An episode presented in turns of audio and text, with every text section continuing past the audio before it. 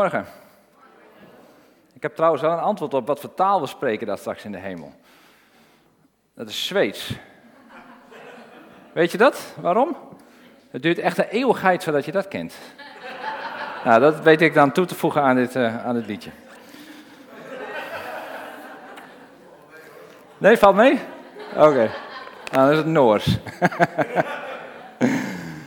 Goedemorgen. Fijn uh, u te zien en fijn om hier uh, te zijn. Ik wil beginnen met een vraag. Wie van jullie heeft er ooit in zijn leven een keer de avondvierdaagse gelopen? Ja, oh, dat zijn er echt heel veel. Dat is misschien wel bijna iedereen. Wat leuk. Ja. En nou weet ik dat de komende week volgens mij weer avondvierdaagse is. En ik ben nieuwsgierig, wie gaat er komende week ook de avondvierdaagse lopen? 1, 2, 3, 4, 5, 6. Oh, kijk eens aan. Ja, ja. Wie gaat er vijf lopen? De vijf kilometer? Dat zijn een aantal. En wie gaat er voor de tien? Oh ja, super. Nou, heel veel succes alvast. Ja. Ik kan me van mezelf herinneren dat ik hem liep en dat, eh, dat ik vooral uitkeek naar die laatste avond. Die laatste avond wanneer het centrum gevuld was met allemaal mensen en muziek. En je eerlijk gezegd ook volgens mij niet die hele afstand nog hoefde te lopen, want die had je daarvoor al een beetje gelopen. En dan marcheerde je er binnen en dan kreeg je bloemen en mensen begroeten je en het was geweldig. Ik keek vooral uit naar die laatste. Maar ja, daarvoor moest je natuurlijk wel de eerste drie avonden uh, ook lopen. De avondvierdaagse. En nou, als we dan toch aan het vragen zijn, aan het wandelen. Uh, nu, nu, is ook de Elfstedentocht aan het wandeltocht is bezig. Hè? Willem die doet daar dan aan mee als... Oh, het is al binnengekomen, ja. nou, fijn. Wie heeft er meegedaan? U heeft meegedaan aan de wandelvierdaagse? Geweldig. Of niet helemaal? Oh ja. Uh, iets. Volgens mij is het gewoon water en komt het helemaal uh, goed. Ik wil straks misschien nog wel een beetje. Sorry, ja, dankjewel. Dus er zijn ook van die hele lange afstandwandelingen. Dus een aantal mensen, eh, Willem Borsma die is erbij als, als, als medische hulp van de, avond, de, de, de elf stedentocht, eh, vierdaagse. Dat is niet een vierdaagse geloof ik. Wie heeft er wel eens meegedaan aan de Nijmeegse vierdaagse eigenlijk? Volgens mij bent u echt een wandelaar. Geweldig. Ja. Heeft er iemand wel eens het Pieterpad gelopen? Dat is 499 kilometer, las ik. Waarom dat dan geen 500 is, weet ik niet. Van Pieterburen naar uh, de Sint-Pieterberg in Maastricht. Wie is daar wel eens mee bezig geweest aan het wandelen? Ja, Herma weet ik toevallig dan. Ja. Nog meer mensen? Er zijn van die hele lange afstandwandeltochten. De Zuiderzeepad is er ook nog. Was ik is 536 kilometer, dat is een rondje, rondje IJsselmeer bijna. En zo zijn er ook nog van die hele lange. Dus als je nou die, die avondvierdaagse heel erg leuk vindt, ja, dankjewel.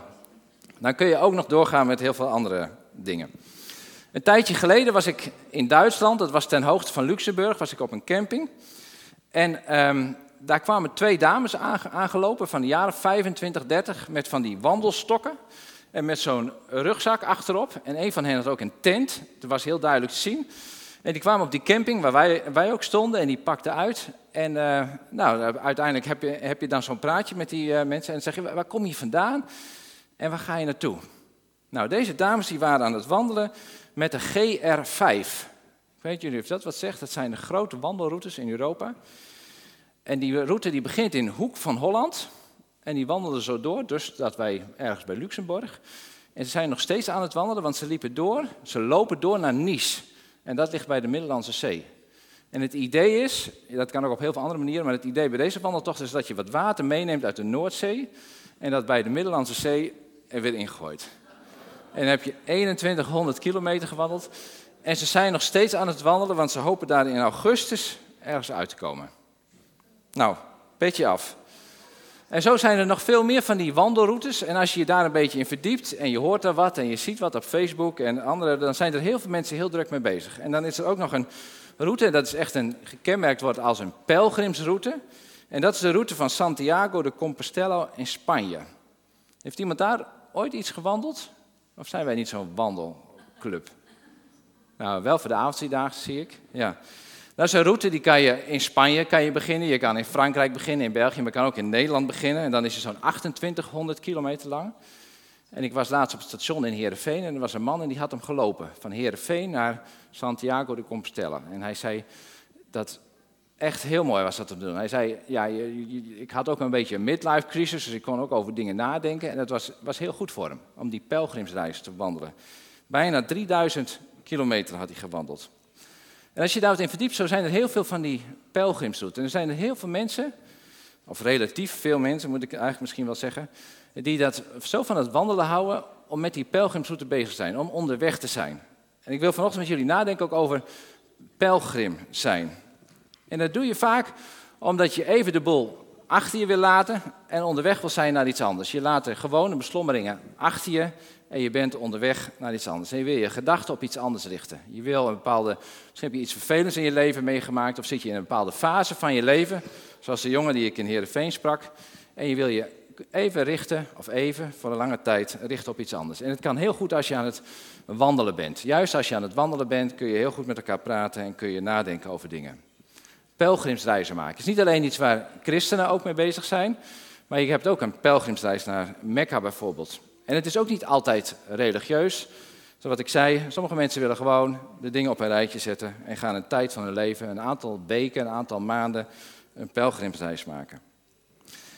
In de Bijbel wordt ook gesproken over pelgrimsreis. En er zijn verschillende voorbeelden, en daar zal ik straks ook een paar van noemen, waarin je kan zien dat mensen een pelgrimsreis aan het maken zijn.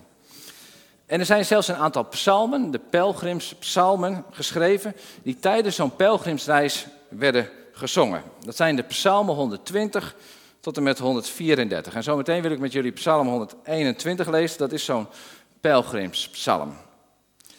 En de Joden, die gingen één keer per jaar of vaker per jaar of een aantal keren in hun leven, gingen ze onderweg naar Jeruzalem. En dan gingen ze zo'n pelgrimstocht maken. Als we het verhaal lezen van Jozef en Maria die met de twaalfjarige Jezus naar Jeruzalem gaan om daar het Joodse paasfeest te vieren, dan zijn zij pelgrims op dat moment. En dat doen ze niet alleen, dat doen ze met een groep. Want als ze dan weer teruggaan, dan gaan ze ook weer met hun vrienden en familie. En dan maken ze zich niet eens heel druk om, om Jezus, want die denken, je zou wel met vrienden en familie zijn. Want je gaat het met elkaar zo'n pelgrimsreis maken naar Jeruzalem. En tijdens zo'n reis, dan praat je natuurlijk over het leven, wat je bezighoudt, waar je vandaan komt, waar je naartoe gaat.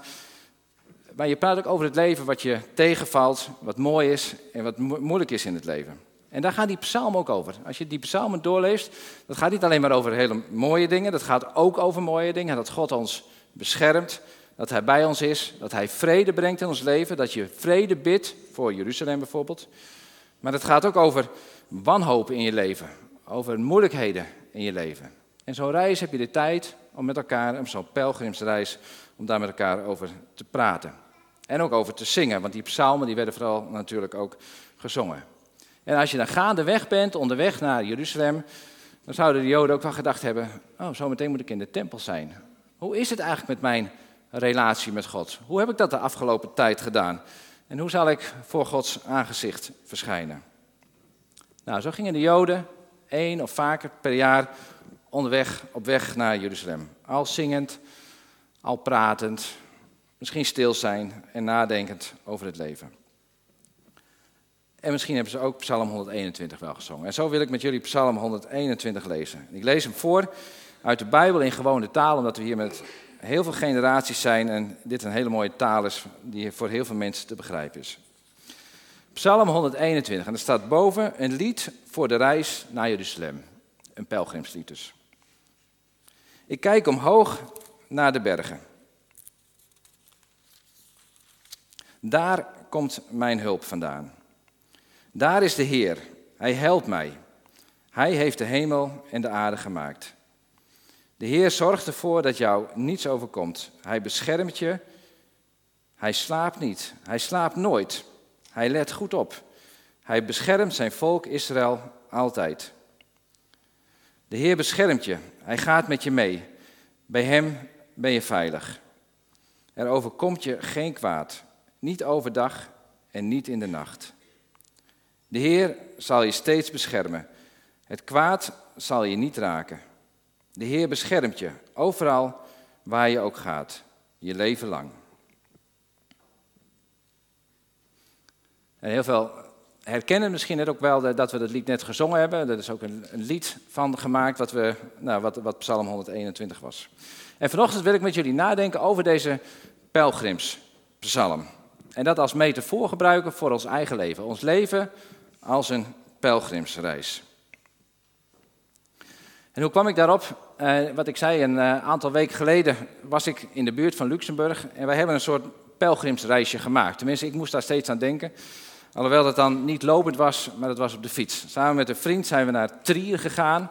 Vanuit Trier hebben we een week lang gefietst door de heuvels. Maar hoe vaker je daar fietst en hoe meer je daar omhoog komt, hoe meer je het berg gaat noemen, kan ik je vertellen.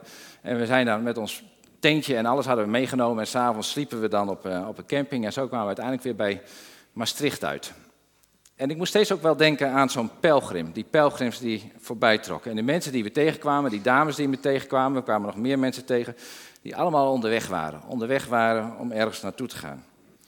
Ik moet zeggen, het was een hele mooie ervaring. En als je dan midden in de natuur bent, een week lang, en dat kan je misschien herkennen als je op vakantie bent geweest, hoe mooi het is dan om van Gods schepping te genieten. En te zien dat Hij hemel en aarde gemaakt heeft, de bergen, het water, en heerlijk om Gods grootheid daar te zien.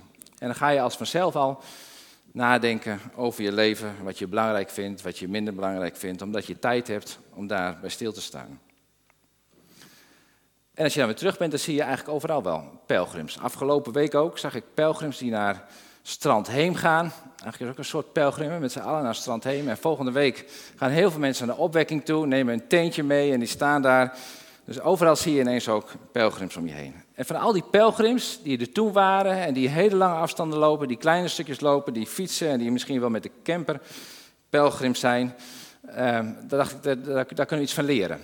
En ik heb drie lessen daaruit gehaald en die wil ik met jullie delen deze ochtend. Op basis onder andere van Psalm 121 en andere dingen die we van pelgrims weten. En die drie lessen, aan het eind van elke les wil ik je iets meegeven om ook in je eigen levensreis om daarover na te denken. Dus drie lessen. En dan begin ik bij de eerste, want dat is wel handig. En de eerste les is, als je je leven ziet als een pelgrimsreis, dan heb je je einddoel, je bestemming voor ogen. Toen wij die wandelaars tegenkwamen, en er waren nog meer mensen die we tegenkwamen, die ook op de, op de fiets waren, dan, dan, maak je al gauw een praatje, want je bent met z'n allen in hetzelfde lot ongeveer. Je bent met, met hetzelfde bezig. Als je aan mensen tegenkomt, dan stel je ze vaak de vraag van, waar kom je vandaan? Wat heb je vandaag gedaan? Waar kom je uiteindelijk vandaan? En de andere vraag is van, waar ga je naartoe? En als je je leven ziet als een pelgrimsreis, dan is het ook mooi om jezelf die twee vragen te stellen.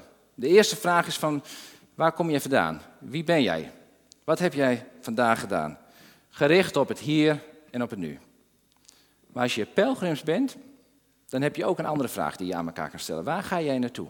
Waar ga je naartoe? We hebben daar net een heel mooi kinderlied van gehoord. En Jolien heeft daar iets over gedeeld. We zijn onderweg naar het hemels paradijs. We zijn onderweg naar het koninkrijk van God, wat volledig zichtbaar gaat worden. Wanneer het koninkrijk van God gevestigd wordt op deze wereld. Wanneer er geen tranen meer zal zijn, geen rouw meer zou zijn, geen verdriet meer zou zijn. Je geen Duitse les meer krijgt, voor sommigen is dat ook een ramp. Dus heerlijk. Het wordt een, een, hele mooie tijd. God zal er zijn en hij zal alle tranen van onze ogen afwissen. Dat is waar we naartoe onderweg zijn. En dat is geweldig om naar uit te kijken. En dat is niet alles alleen maar straks. En nu merken we nu ook al beetje bij beetje dat dat ook echt gaat komen. We merken al Gods vrede en Gods liefde in ons leven. Maar straks zal het echt ten volle zijn. Dan zal het helemaal komen. En wij als pelgrims hebben dat voor ogen. We hebben voor ogen dat we daar straks met z'n allen naartoe zouden gaan.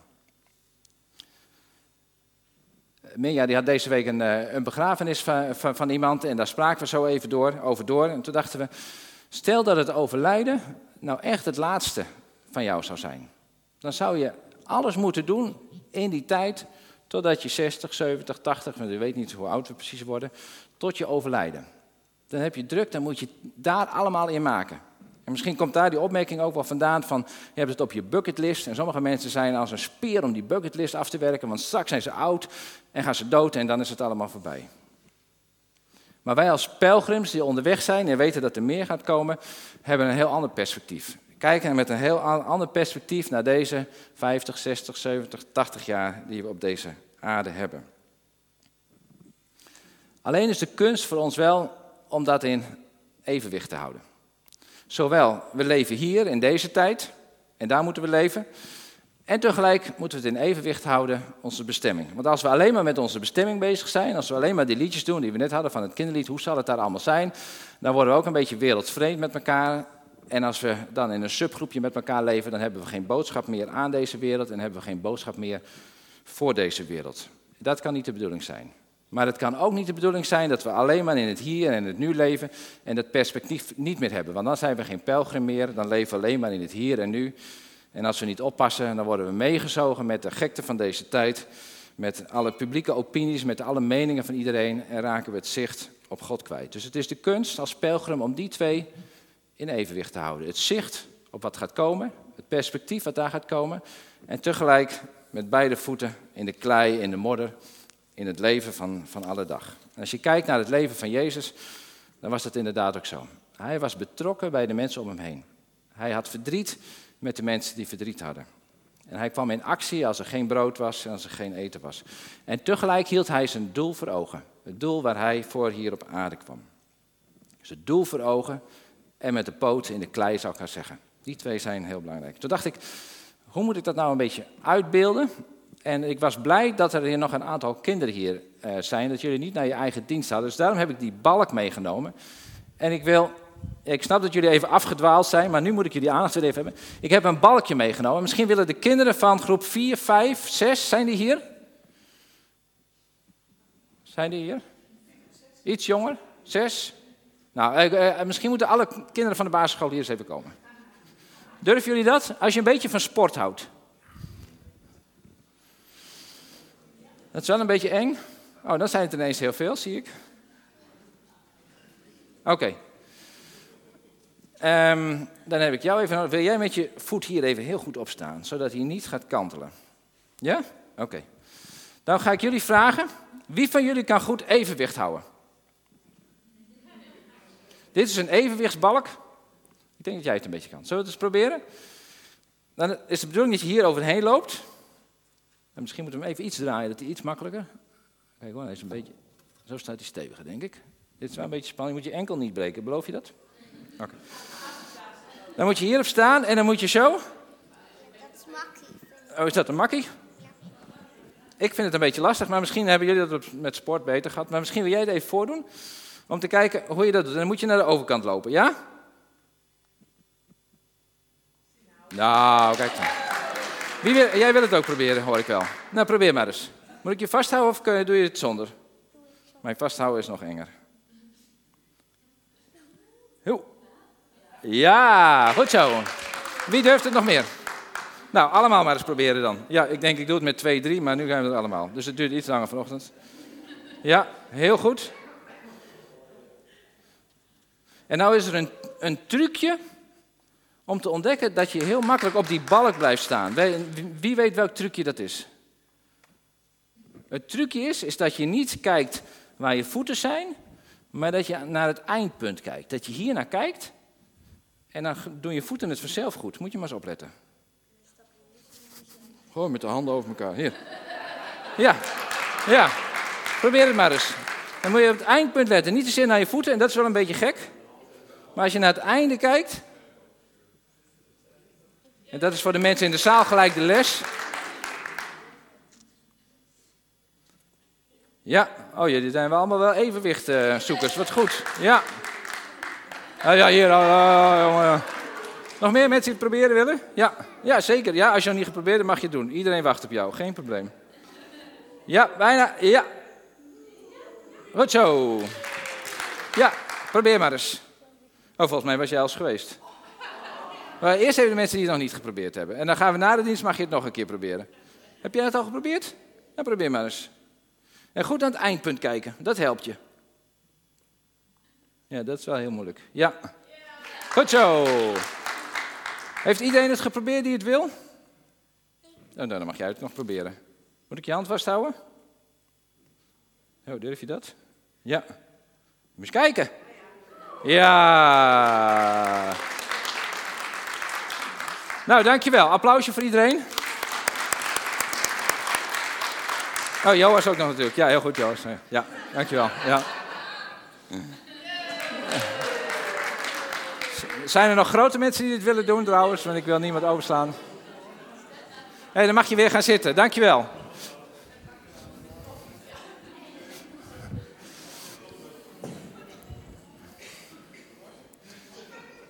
En dit is een beetje het voorbeeld, hè? En je zag misschien, als je, tenminste ik zag het dat ik dichterbij was, hoe moeilijk het is om op je eindpunt gericht te zijn en dan uiteindelijk te gaan lopen. En heel veel kinderen die keken toch zo. En dan is het lopen heel erg moeilijk.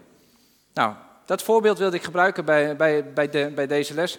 Wees gericht op het eindpunt en zet je voeten goed neer. Leef in deze wereld waar je bent, maar hou het e-, eindpunt voor ogen. Nou, en die vraag wil ik je meegeven, ook naar huis. Is dat bij jou ook in evenwicht?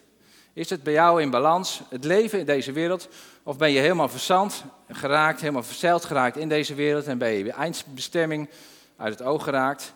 Of ben je misschien wel zoveel met je eindbestemming bezig dat je vergeet om gewoon in het hier en nu te leven en de dingen op te pakken die eigenlijk voor je voeten liggen? Nou, neem die vraag eens mee naar huis en daar eens over na. Dan gaan we naar de tweede les. En de tweede les is, wees er als pelgrim, maar al goed op voorbereid dat je hoogte- en dieptepunten zult krijgen in je leven. De pelgrim die onderweg gaat naar Jeruzalem, die maakt sowieso hoogtepunten en dieptepunten mee. Alleen al omdat het landschap dat zegt. De Psalm 121 begint ook al met de vraag van, ik kijk op naar de bergen, waar komt mijn hulp vandaan? Dus er is sowieso een berg. En men denkt dat, eh, dat deze psalm, die berg, dat gaat over Jeruzalem. En Jeruzalem waar de stad van de vrede is. En je moet flink klimmen om die vrede uiteindelijk te bereiken. Om daar uiteindelijk te komen. Het leven gaat over bergen en dalen, door hoogtepunten en dieptepunten. En daarom zegt die psalmist ook van waar komt mijn hulp vandaan? En reken maar dat je in je leven af en toe heel hard hulp nodig hebt.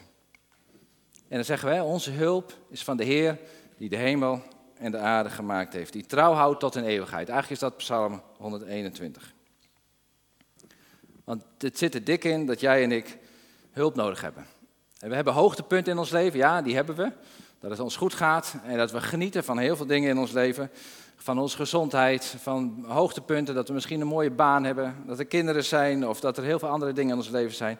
Maar er zijn ook dieptepunten in ons leven en die komen geheid op ons af. Die hoeven we niet te ontlopen, maar die komen er. Als er vertwijfeling is, als er tegenvallers zijn, als er zware periodes in ons leven zijn, misschien ontslag of mensen die overlijden om je heen, vrienden die je misschien verlaten, een crisis, een financiële crisis in je leven, hoogte- en dieptepunten, die horen bij het leven. Het is eigenlijk ook een beetje zoals in die avondvierdaagse. Ik ging nog even terug naar die avondvierdaagse. Uh, misschien kan je het herinneren, of de kinderen ook nog herinneren. En anders is het de tip voor de komende week. De eerste dag, dat gaat vaak wel heel makkelijk. We hebben met onze kinderen ook wel gewandeld. En die eerste dag, die kinderen die sprinten naar voren en die rennen weer terug. Die lopen die avond wel 10 kilometer omdat ze alle energie hebben. De tweede avond gaat het al een beetje minder. En geheid dat de derde avond al een stuk moeilijker gaat. Dat je al hun tas vast moet houden en dat je ze weet je, doorheen moet trekken en dat ze s'avonds niet zoveel zin in hebben. Dan wordt het al een beetje moeilijker. Maar gelukkig weet je, vanuit dat perspectief, van de volgende dag is het de vierde dag. En dan lopen we nog een stukje en dan staan daar midden op de dam het muziek en daar zijn de mensen uiteindelijk. En dat helpt je om door te zetten. Dat helpt je om door te zetten dat je het perspectief hebt op wat komen gaat en dat je mensen om je heen hebt om je er doorheen te praten. We hebben het lied gezongen. Wij zijn onderweg als pelgrims, vinden bij elkaar, hou vast. Als broers en zusters slepen we ons elkaar doorheen. En daarom sturen we als gemeente ook een appje, een nieuwsbrief naar mensen met de mededelingen van wie onze steun nodig heeft. Dus sturen we een appje naar mensen van sterkte of sturen we een kaartje, bidden voor mensen om ons heen, omdat we elkaar zo hard nodig hebben om door die hoogte en die dieptepunten heen te komen. En omdat we elkaar er steeds weer op mogen wijzen die hoogte en die dieptepunten die staan in het perspectief van de eeuwigheid. Die staan in het perspectief dat we straks bij Hem zullen zijn. En dat doen we niet alleen met elkaar, maar als je Hebreeën 11 leest, dan gaat het over heel veel gelovigen die ons voor zijn gegaan. Henoch, Abraham, Sarah, Mozes, Rahab. Die allemaal ook lastige tijden hebben meegemaakt, maar ook hoogtepunten hebben meegemaakt. En dan staat er in Hebreeën 12, de eerste vers, het is zo'n wolk van getuigen die ons aansporen en ons aanmoedigen om door te gaan. Niet om stil te blijven staan en zeggen: het is de moeite waard om door te gaan. Die hoogtepunten en die dieptepunten ga je vanuit een ander perspectief bekijken als je weet dat de eeuwigheid daar is. En zo mogen we elkaar bemoedigen. En zo zijn we als gemeente, mogen we elkaar daar ook in bemoedigen.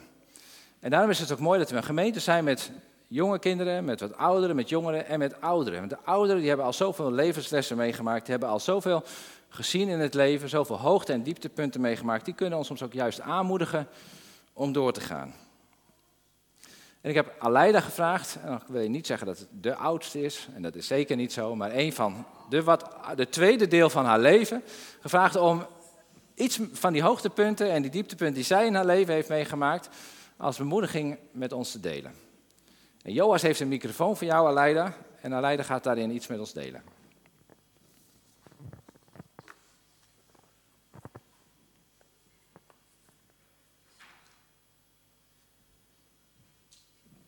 Fijn dat je dat doen wil.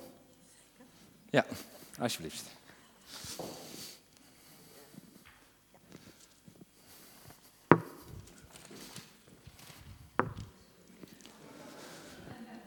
Ik kreeg een hele mooie kaart. Yes, you can. Ja, je kunt het. En daar zit heel veel kracht in. Het was een, als je die mier ziet, die inderdaad die balken optilt, dan denk ik, wat zijn we krachtig in God. Het is geweldig. Nou, wilde ik vanmorgen een mier meenemen, maar die had het te druk. Dus dit is een die heeft wat aan bodybuilding gedaan, dus die is wat dikker. Uh, vroeger dan, uh, zongen we in de kerk altijd het lied uh, Op bergen en in dalen en overal is God. En wat heb ik dat in de afgelopen periode enorm mogen ervaren in mijn leven. Door heel mijn leven heen. Dat God er altijd is. He, dat je leven soms door een dal van beproevingen gaat. Maar dat je gewoon altijd mag weten dat God er is. Elke dag opnieuw. Ik was twaalf toen mijn moeder overleed. En uh, ik was de dochter van een koster, dus ik was ook heel veel in de kerk. En dat vond ik een heel moeilijk moment. Van, dan denk ik, heer, mijn moeder is er niet meer. Hoe moet het nu verder? En door alles heen heb ik telkens gemerkt dat God er is, dat Hij je draagt. en dat, dat God altijd met je meegaat. En dat God je nooit in de steek laat. dat je mag weten dat God je beschermt. En zoals de Bijbel het in gewone taal zo mooi zegt, dat de Heer er altijd op je let en altijd bij je is.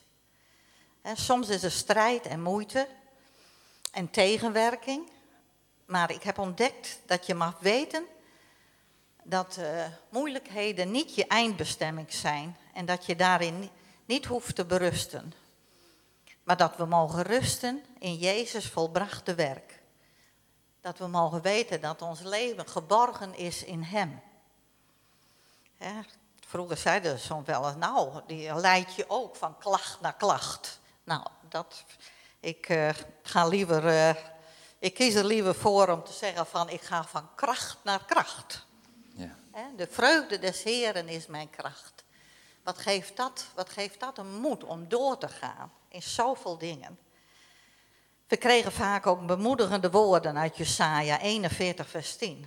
Ik troost je, ik help je, ik sterk je en ik hou je vast met mijn krachtige hand.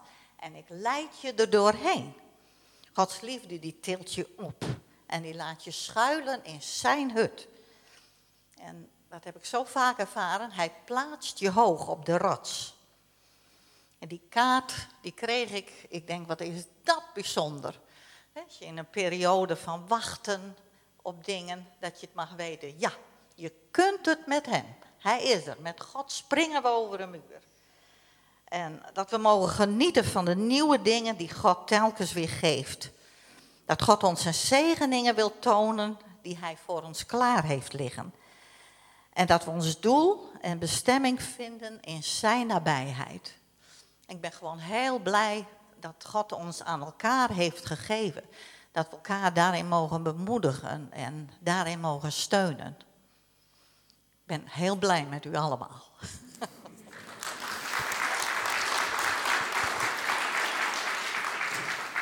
Dankjewel, leider.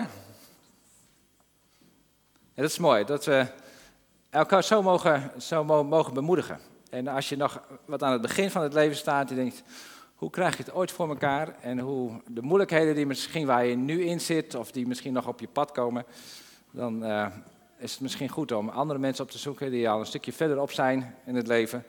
Of nog eens uh, te herinneren wat Aleida net zei. En die vraag wil ik je ook meegeven.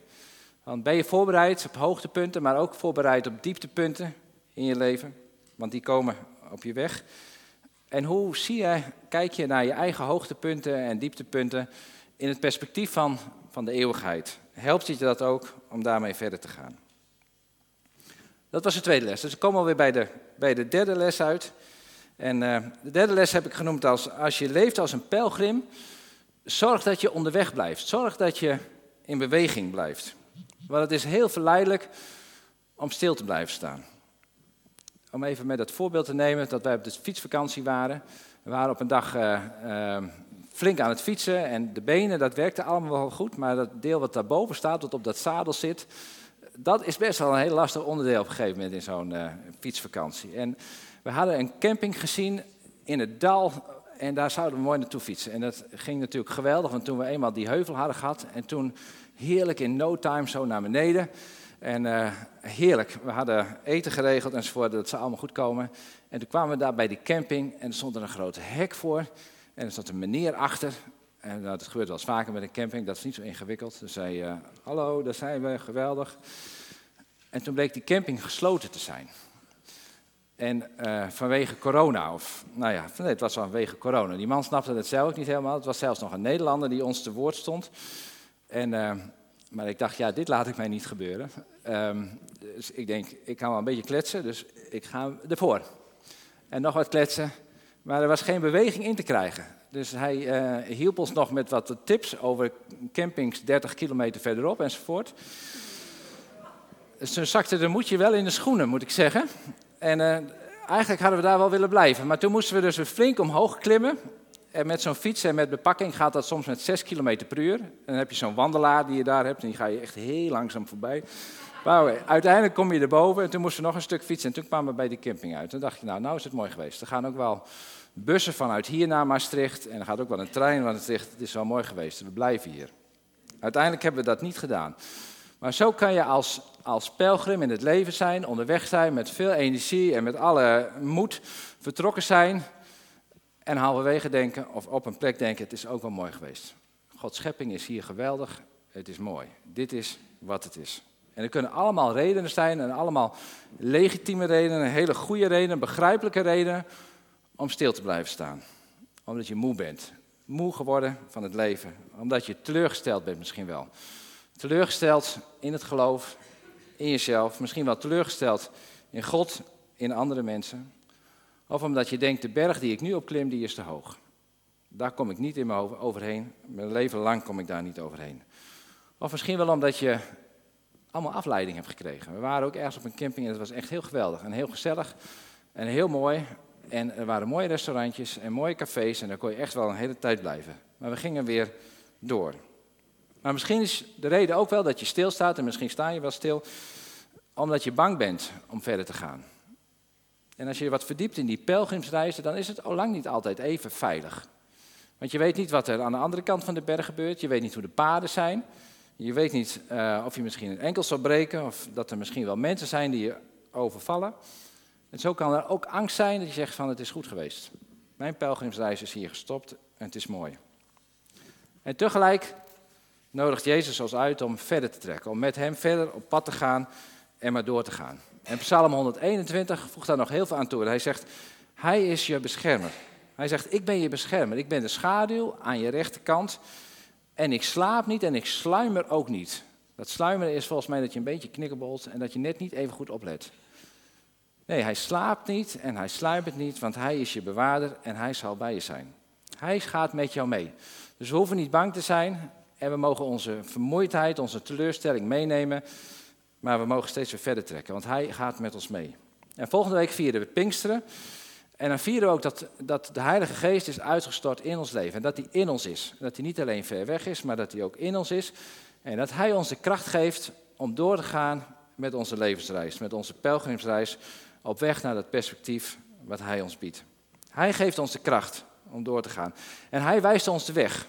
Want soms zijn we van het padje afgedwaald en weten we niet meer waar we zijn, zijn we de weg kwijt en hebben we een hele andere route gekozen, maar Hij weet de weg altijd terug. En Hij brengt ons weer richting Jeruzalem, daar waar de vrede is. En Hij biedt ons de bescherming.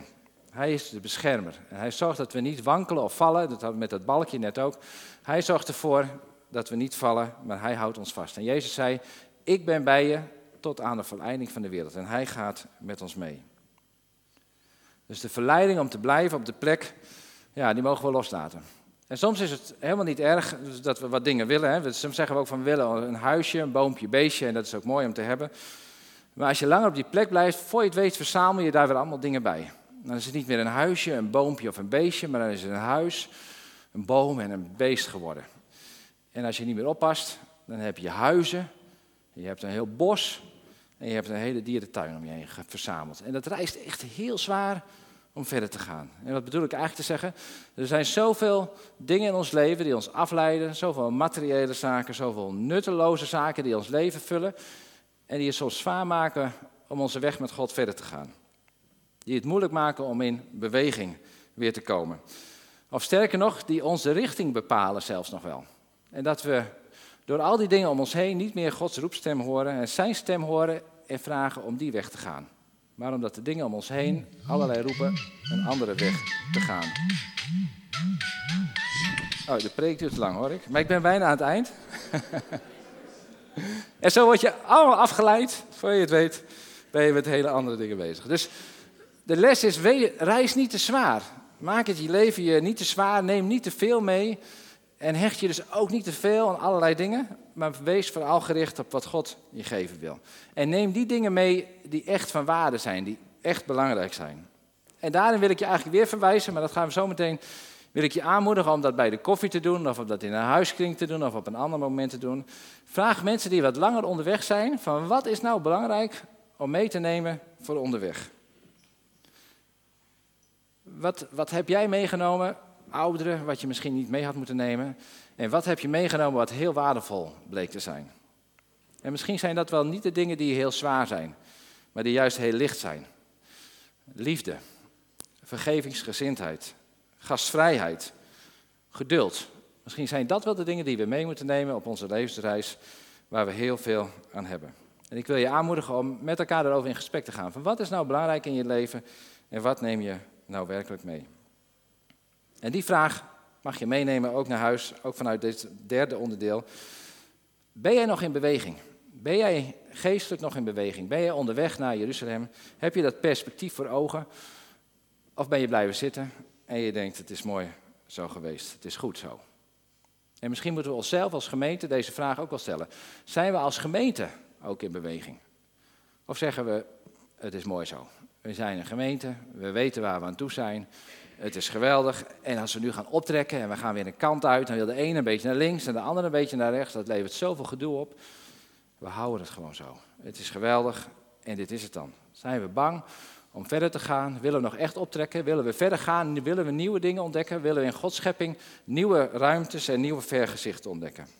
Nou, ik hoop dat we dat van harte willen met elkaar. En dat we elkaar ook aanmoedigen om als gemeente daarin verder te gaan. En om dat gedoe op een andere manier naar te kijken en te gaan ontdekken wat God ons allemaal nog heeft klaar liggen voor ons. Nou, neem die vragen mee naar huis en denk erover na.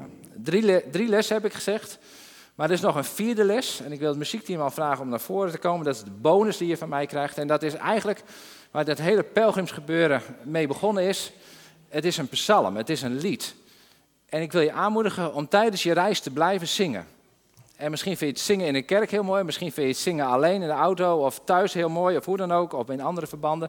Maar blijf zingen en blijf dansen en blijf het uitroepen. Blijf de liederen zingen die gemaakt zijn. Want soms hebben we woorden nodig om boven onze situatie uit te stijgen. Hebben we liederen nodig die ons aanmoedigen om in dat perspectief te blijven en door te gaan in onze levensreis. Dus ik wil je aanmoedigen om daarmee door te gaan.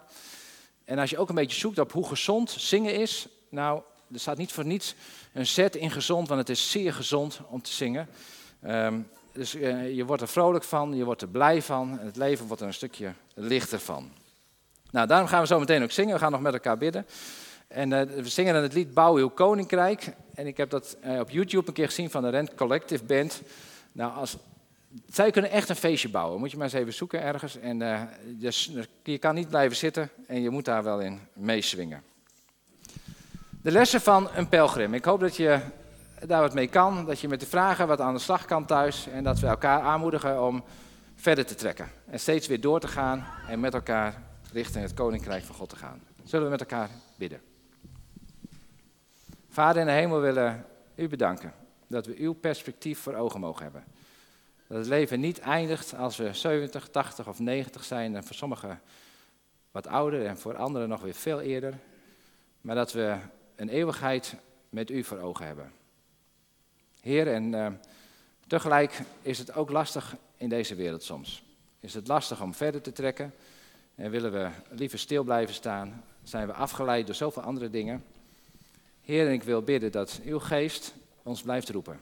Dat u ons blijft roepen om verder te gaan, om nieuwe dingen met u aan te gaan, om nieuwe vergezichten te zien, om andere aspecten van u te ontdekken en om zo vol van uw kracht door dit leven te gaan. Heer, dat we ja, uw kracht mogen ervaren in ons leven, uw perspectief mogen ervaren in ons leven, maar ook dat we dat als boodschap door mogen geven aan mensen om ons heen. Dat mensen om ons heen zien dat we uit u de kracht halen. Zoals Aleida ook zei, dat u ons de kracht geeft om door dit leven te gaan. Heer, en zo bid ik uw zegen over de levensreis van ieder van ons die hier zit. Die elk weer op een andere manier vormgegeven wordt. Die er elk voor iedereen weer anders uitziet. Zegen ons, Heer, en ga zo met ons mee. En dank u dat u dat ook doet. In Jezus' naam. Amen.